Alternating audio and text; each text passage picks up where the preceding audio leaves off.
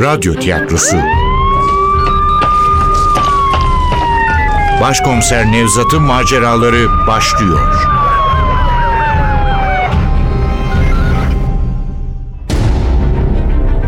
İstanbul Hatırası.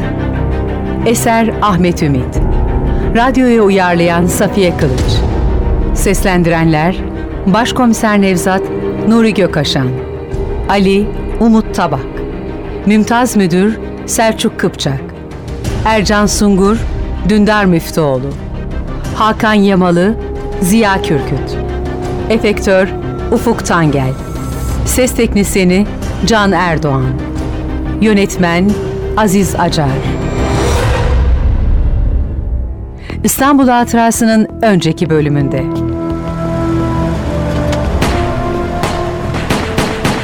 Evin önüne ulaşıncaya kadar içim içimi yedi.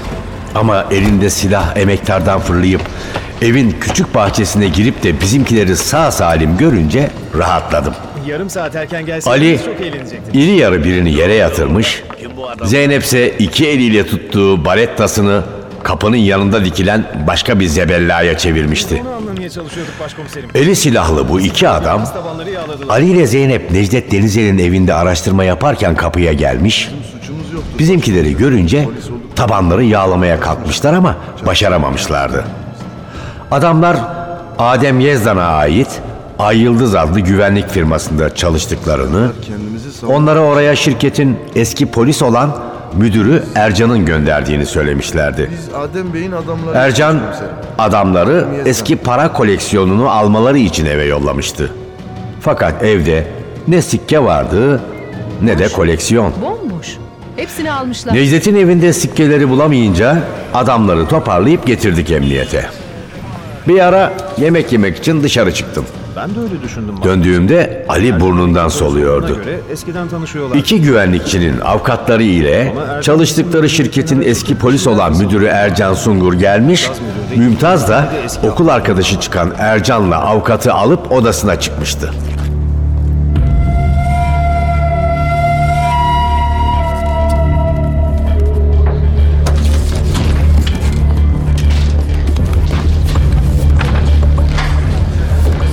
Mümtaz'ın benimkinden en az iki kat daha büyük ve daha aydınlık odasına girdiğimde içerideki sohbet iyice koyulaşmıştı. Mümtaz masasına bile oturmamış, vali ya da üst düzey emniyet müdürleri ziyaretine geldiğinde yaptığı gibi konuklarının karşısındaki koltuklardan birine yerleşmişti. Ercan kır saçlı, kirli sakallı, uzun boylu, ince yapılı bir adamdı. Yanında oturan avukat 30'larında olmalıydı, orta boyluydu. Siyah saçları arkaya doğru bir yantinle tarandığından banyodan yeni çıkmış gibi ıslak görünüyorlardı. Mümtaz kahvesini yudumlarken fark etti içeri girdiğimi ama ne yadırgadı ne de tedirgin oldu. Aksine sevinmiş gibi gülümsedi. Nevzat gel gel. Seni kiminle tanıştıracağım bak. Ercan. Akademide birlikte okuduk. Terörle mücadelenin efsane adamlarındandır. Belki adını duymuşsundur. Ercan Sungur. Bu arkadaş da Hakan Yamalı. Şirketin hukuk danışmanıyım. Ercan Sungur, Ercan Sungur. Aa evet Ercan Sungur siz Adem Yezdan'la birlikte çalışıyorsunuz değil mi? Doğru. Ay Yıldız Güvenlik Şirketi'nin yöneticisi. Eh, zanlılar da öyle söylemişlerdi. Fettah'la Sıddık. Onları tanıyorsunuz değil mi? Tanıyorum. Bizim şirketin elemanlarıdır hepsi. Samimi itirafta bulunmanız güzel. Bu işimizi kolaylaştıracak. Ne itirafı? Onları yani Fettah'la Sıddık'ı siz azmettirmişsiniz. Necdet'in evinde yakaladığımız iki zanlı kendilerini oraya Ercan Bey'in yolladığını söylediler. anlamadım. Nasıl? Ne yapmış bu adamlar?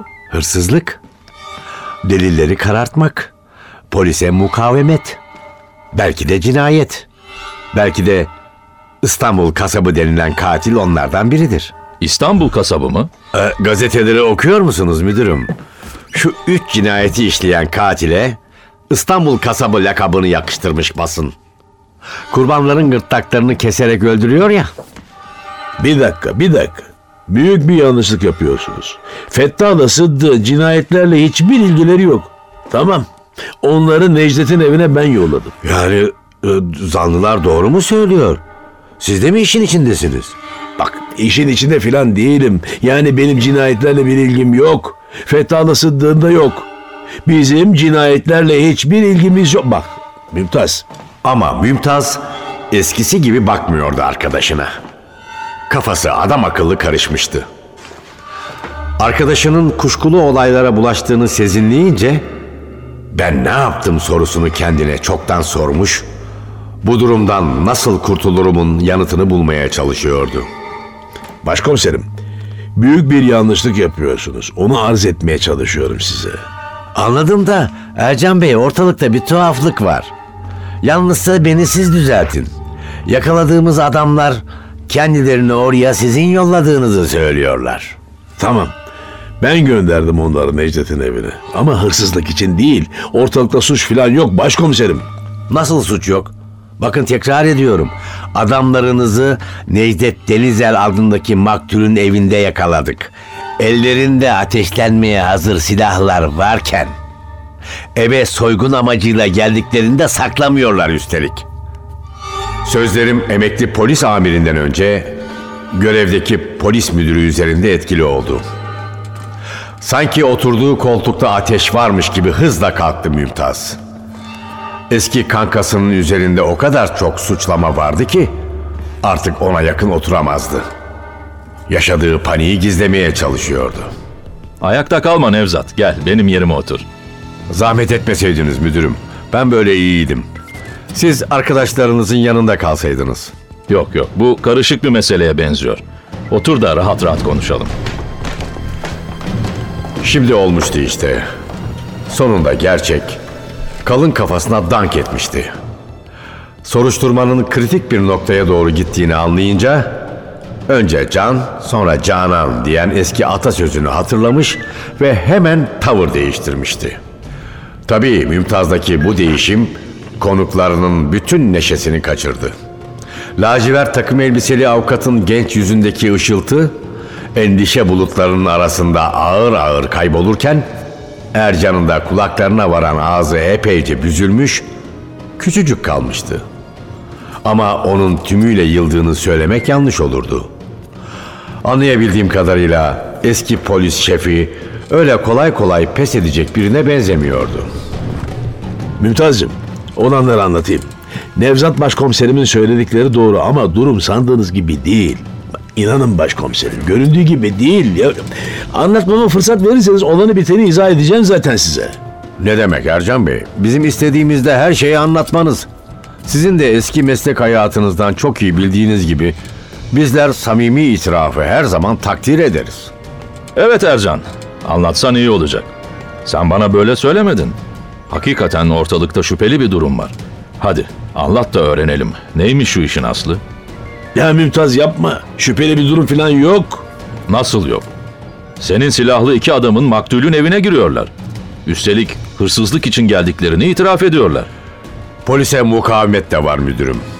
Az kalsın bizimkilerle silahlı çatışmaya gireceklermiş. Bir de şüpheli bir durum yok diyorsun Ercan. Daha ne olacaktı? Adamları ellerinde kasap bıçaklarıyla maktullerin boğazını keserken mi yakalayacaktık? Neler diyorsun Mümtaz? Ne bıçağı ne cinayeti sen beni tanımıyor musun? Tanıyorum Ercan. Tanıyorum da. Şu an morgda üç ceset var. Elimizde de iki zanlı. Senin şirketinde çalışan iki adam. Ama silahların ikisi de ruhsatlı. İki silah da Ay Yıldız şirketinin üzerine zimmetli. Adamlarınızın bu silahları şirket dışında taşıma izni var mı? Şey, şirkette bırakacak uygun yer olmayınca yani evlerine giderken taşıyor olabilirler. Necdet Denizel'le aynı adreste mi oturuyor bu adamlar? Yok yok. Aynı evde ikamet etmiyorlar tabii. O zaman boş yere çenenizi yormayın. Adamlarınızın yaptıkları açıkça suç. Fakat Tamam Hakan. Bırak da beni izah edeyim. ne de olsa biz de polisiz değil mi? Birbirimizin dilinden daha iyi anlarız. Mümtaz Müdürüm, Nevzat Başkomiserim.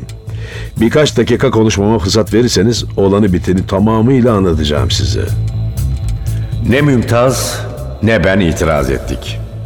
Aslına bakılırsa Ercan'ın söyleyeceklerini çok merak ediyordum. Şu Adem Yezdan gerçekte kimdi? Necdet onun için tam olarak ne iş yapıyordu? Sanki aklımdan geçenleri okuyormuş gibi cevap verdi. Adem Yazdan köklü bir aşiretin oğludur. Tam dokuz köyleri var. Belki araştırmışsınızdır siz de. Tamam. Adem Bey'e kadar aile biraz pis işlere bulaşmış. Eyvallah.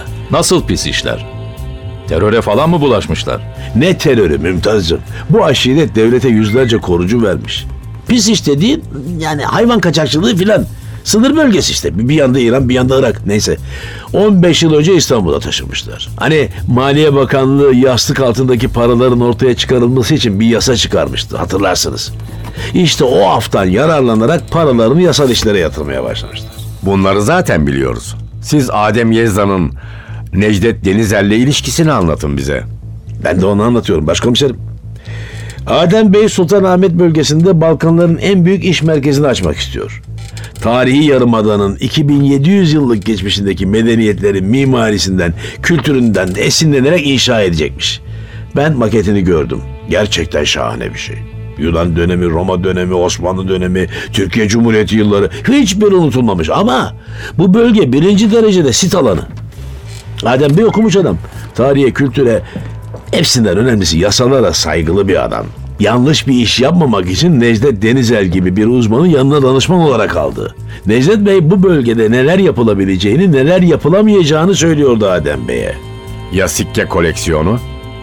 Necdet'in sikke koleksiyonu niye ilgilendiriyordu Adem Yezdan'ı? İşte asıl onu anlatmaya çalışıyorum. Sikke koleksiyonu Necdet Denizel'in değil. Daha doğrusu iki sikke koleksiyonu var. İki mi? Evet. Necdet Denizel Roma ve Doğu Roma sikkelerine meraklıymış. Adem Bey Osmanlı ve Türkiye Cumhuriyeti'nde basılan madeni paralara meraklı. Evet, bakın koleksiyoner belgesi ile sikke kayıt defterlerini de gösterebilirim size. İşte bu. Adem Yezdan adına düzenlenen koleksiyoner belgesi. Bu da envanter defteri. Burada da ona ait olan Osmanlı sikkeleri ve Türkiye Cumhuriyeti madeni paralarının listesi var. Bakın işte Fatih, Kanuni, Selim, 3. Ahmet, Atatürk, İnönü döneminde basılmış paraların listesi. Buyurun başkomiserim. Bunlara da bakın. Doğru söylüyordu. Bu belge Necdet Denizel'e aitti. Defterin kayıtlarında ilk kurbanın avucunda bulduğumuz sikkenin dökümü var mı ona baktım. Evet, o sikkeye benzer bir kayıt buldum. Ay yıldız sikkesi. Yanında ne olduğunu anlayamadığım harfler sayılar. Gözlerim Konstantin'in sikkesinin kayıtlarını aradı. Evet, işte o da buradaydı. Büyük Konstantin sikkesi. Eğer bunlar gerçekten de kurbanların yanına bırakılan madeni paralarsa sikke koleksiyonu katillerin elindeydi. Ama aynı sikkeler olduklarından emin olmak için bu defterdeki kayıtları ve sikkeleri Leyla Barkın'a göstermem gerekiyordu. Kadının nasıl tepki vereceğini görmek ilginç olacaktı. Elbette bunlardan kimseye bahsetmedim. Necdet'in defteri neden sizde? Yezda'nın koleksiyonunun Necdet'in evinde ne işi var? Bir dava açılmıştı Necdet Bey'e. Sikke kaçakçılığı mı? Dava o nedenle açıldı ama haksızdı. Bir define avcısının iftirası işte. Davayı kazandık zaten. Davaya ben bakıyordum. Defterde o yüzden bende kaldı. Adem Bey'in koleksiyonu Necdet'in evinde olmasına gelince... Onu da ben anlatayım. Bir sergi olacaktı Paris'te. Louvre Müzesi'nin antik eserler bölümünde. Fransa'dan gelecek eksperlere göstermek üzere Necdet almıştı Adem Bey'in sikkelerini. Fransızlarla Necdet Bey yazışıyorlarmış çünkü. Necdet bütün sikkeleri gravür kutularının içindeki özel bir bölmede saklıyormuş. Adem Yezda'nınkileri de mi orada tutuyordu? evet, kendince önlem almış. Bilim adamı işte. Hırsızların ilk oraya bakacağı aklına bile gelmiyor ama Allah'a şükür sikkelerin başına bir şey gelmedi bugüne kadar. Sikkelerin kaybolduğundan haberi yoktu. Ya da antik paraları bizzat kendisi aldığı için böyle konuşuyordu. Bugüne kadar mı? Sikkelerin bugün çalındığını nereden anladınız? Çalınmış mı? Sikkelerin çalındığını mı söylüyorsunuz? Hem de hepsi. Hırsız ya da hırsızlar bir tek sikke bile bırakmamışlar gizli bölmelerde. Neyse bırakalım hırsızlık konusunu. Siz hala adamlarınızı neden Necdet'in evine yolladığınızı anlatmadınız. Peki sikkeleri katiller mi çalmış? Olabilir. Ya da Necdet'in öldürülmesini fırsat bilen ganimet düşkünleri. Sikkeler almak benim fikrim değildi. Ne sikkeleri ne de papağanı almak gibi bir niyetim vardı. Onları almamızı Adem Bey söyledi. Adem Bey nereden öğrendi Necdet'in öldürüldüğünü? Ben haber verdim. Adem Bey Moskova'da. Bizdeki bilgileri doğruluyordu Ercan. Öte yandan Adem'in Moskova'da olması inceden inceye düşünülmüş bir planın gereği de olabilirdi. Patron yurt dışındayken adamları cinayeti işlerler. Adem de ama Moskova'daydım cinayeti nasıl işleyebilirim diye kendini savunurdu. Neyse bu işin aslı sonunda nasıl olsa ortaya çıkacaktı. Düşmanlarınız var mıydı? Yani Adem Bey'in. Dolayısıyla Necdet'in. Birlikte iş yapıyorlarmış ya. Kimdi düşmanları? Düşmanları. Düşmanları. Bildiğim kadarıyla öyle birileri yok. Şirketin her işi yasaldır. Adem Bey çok dikkat eder bu işlere. E, Rakiplerimiz var ama hepsi saygın iş adamları, holding yöneticileri, büyük otel sahipleri, turizmciler. Ya Necdet Denizel? Adam öldürüldüğüne göre düşmanları olmalı değil mi? Bildiğiniz birileri yok mu? Belki anlatmıştır. Evet var, bir doktor. Bir, daha doğrusu cerrah. Necdet'in eski karısının sevgilisi. Adı da Namık. Namık Karaman. E, biliyorsunuz demek. Adam eski terörist. iki polisi yaralamış. Bir keresinde de Necdet Bey'in gırtlağına sarılmış etraftakiler yetişmesi öldürüyormuş adamcağızı. Ha bir de derneği var bunun. Güya İstanbul'un tarihi değerlerini koruyorlarmış. Hepsi bahane. Yani bildiğiniz yıkıcı faaliyet. Adam doktor olmuş ya, bu derneği paravan olarak kullanarak anarşik faaliyetlerini sürdürmek istiyor. Şu kavga ne zaman olmuş? Hangi kavga? Namık ne zaman sıkmış Necdet'in gırtlağını diyorum. Ya galiba iki ay önce. Çünkü olayı öğrenince Necdet'e istersen gidip Namık'la bir konuşalım dedim ama o istemedi. Eski eşi Leyla'yı karşısına almaktan korkuyordu. Evet başkomiserim bence bu Namık'ı araştırmanız lazım. Çünkü nefret ediyordu Necdet'ten. Üstelik o dernekte Namık'a körü körüne bağlı bir sürü genç insan var. Bu, bu işlerde onlar da kullanabilir. Bu bilgi önemli. Ama benim de aklıma bölgedeki ayrılıkçı teröristler geldi. Bu cinayetleri onlar işliyor olmasın? Yani Adem Yazdan'dan intikam almak için. Nevzat bu sabah anlattı. Cinayetler organize bir işe benziyormuş. Pekala terörist bir grubun marifeti olabilir. Olabilir de olmasına da Adem Yezda'nın, Ercan Sungur'un, Cerrah Namık'ın, Leyla Barkın'ın hatta şu Biryantinli avukatın katil olma ihtimali bile teröristlerden çok daha fazlaydı. Cinayetleri teröristlerin işlediğine dair ne bir kanıt ne bir ipucu vardı elimizde. Üstelik bu işi yapan örgüt eskilerin deyimiyle alameti farikasını yani imzasını bırakırdı bir yerlere. Bırakmazsa da açıkça telefon eder, bu işi şerefimizle yaptık derlerdi. Ama nedense Mümtaz'ın bu varsayımına pek sıcak baktı eski polis Ercan. Niye daha önce düşünmedik ki bunu? Evet, daha iki yıl öncesine kadar tehdit mektupları alıyordu Adem Bey. Köyleri de defalarca kurşunlanmıştı zaten. Namığa dair kuşkularım kaybolmasa da böyle bir ihtimal Mümtaz'ınkinden çok daha saçmaydı. Soruşturmayı bu yöne çevirmek onların işine gelebilirdi. Ama benim için tümüyle zaman kaybıydı. Mukadder Kınacı. Mukadder Kınacı ismini duydunuz mu hiç? Mukadder Kınacı mı? Aa, hayır, hiç duymadım. Ben de duymadım. Kimmiş? İkinci maktul. Geçen gece bulduğumuz kurban. Belediyenin adamıymış. Şehir planlamacısı. Bilir kişilik falan da yapıyormuş. Necdet Denizer gibi. Hani Adem Yezdan Sultanahmet bölgesinde iş yaparken onun da hizmetinden yararlanmış olabilir mi diye soruyorum. Ya, yok, sanmıyorum. Sen böyle bir olay biliyor musun Hakan? Bilmiyorum. Adem Bey bize söylemediyse o başka. Ama Mukadder Kınacı ismini duymadım. Ya Şadan Duruca? Şu gazeteci mi? Birkaç makalesini okumuştum. Adem Bey tanır mıydı onu? Hayır. Emin misiniz? E tabii eminim. Bu sözlerinizi yazılı olarak da teyit etmelisiniz. Aşağı kadar gelip burada anlattıklarınızı yazılı olarak da bildirmeniz gerekecek. Ama sorgu sırasında ben de yanında olacağım. Ne demek Hakan Bey? Kambersiz düğün olabilir mi? Buyurun o zaman. Komiser Ali yazılı ifade için aşağıda bizi bekliyor. Komiser Ali'nin adını duyunca üçü de gerildiler. Polis eskisiyle avukat süklüm püklüm doğruldular. Mümtaz müdür yerinden kıpırdamadı bile. Hepsi ağzının payını almıştı. Ama şimdi kuşku küpüne dönen polis şefine baktım. Siz de gelmek ister misiniz Mümtaz müdürüm? Niye? Ben niye geleyim ki? Duydum işte anlatacaklarını. Ne bileyim müdürüm. Ercan Bey eski arkadaşınız. Hani yanında olmak istersiniz diye. Yok yok, bana gerek yok. Ali ile siz alırsınız yazılı ifadelerini.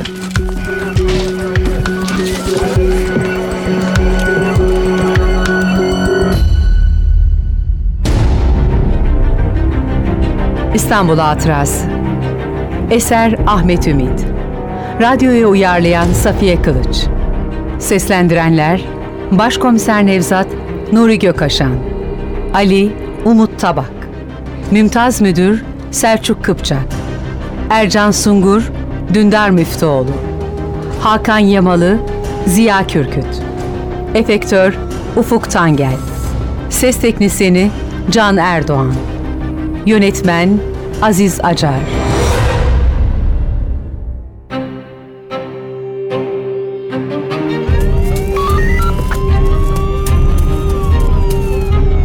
Radyo tiyatrosu.